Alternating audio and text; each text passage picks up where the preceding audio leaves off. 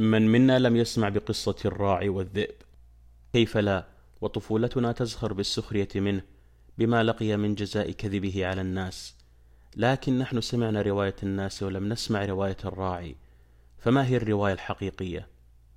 كان هناك عائلة فقيرة لم تجد أمامها سوى بيع ابنها حتى يخففون من أعباء الحياة ويحصلون على مبلغ يخلصهم من الجوع والحاجة.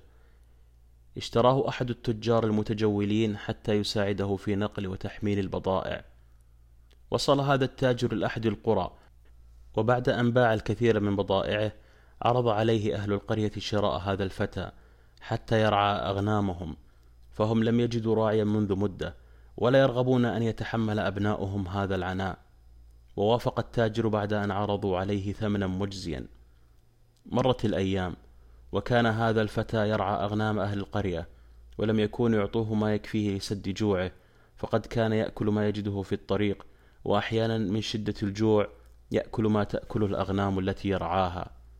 وفي أحد الأيام سمع هذا الفتى صوت عواء ولما ذهب للتحقق من الأمر فإذا به يرى ذئبا من بعيد فركض مسرعا يصيح بأهل القرية حتى يأتوا لمساعدته. لكنهم تجاهلوه ولم يصدقوه. ظنا منهم أنه يفعل ذلك حتى يعفوه من رعي الأغنام.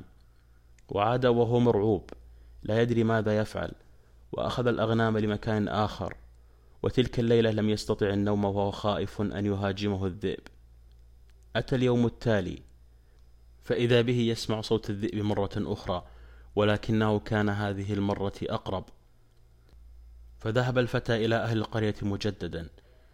يستصرخهم أن ينقذوه من هذا الذئب وأن ينقذوا أغنامهم لكنهم أيضا لم يصدقوه وهذه المرة ضربوه.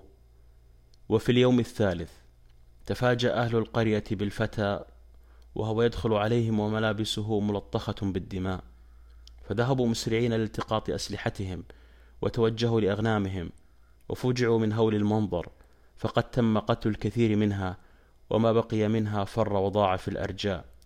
ووجدوا فعلا آثارا لذئب فعادوا وهم غاضبين للقرية وضربوا الفتى وألقوا باللوم عليه لأنه لم يحذرهم من الذئب لكنه أقسم أنه كان يحذرهم منه مرارا وتكرارا وهم الذين لم يصدقوه لكنهم لم يعبأوا بما يقول ولذلك استمروا في ضربه حتى الموت انتقاما لما ضيعه من ثروات عليهم.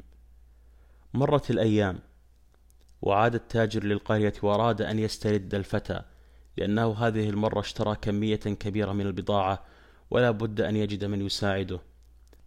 فأخبروه القصة ولكنها قصة مغايرة أن الفتى كذب عليهم مرتين بأن الذئب هاجمه وعندما يأتون لمساعدته كان يسخر منهم. وفي المرة الثالثة لم يصدقوه لأنهم اعتادوا عليه الكذب. فتركوه فأتى الذئب فعلا وقتله. وانتشرت هذه القصة وأصبحت مثالا للتندر وللتحذير من الكذب.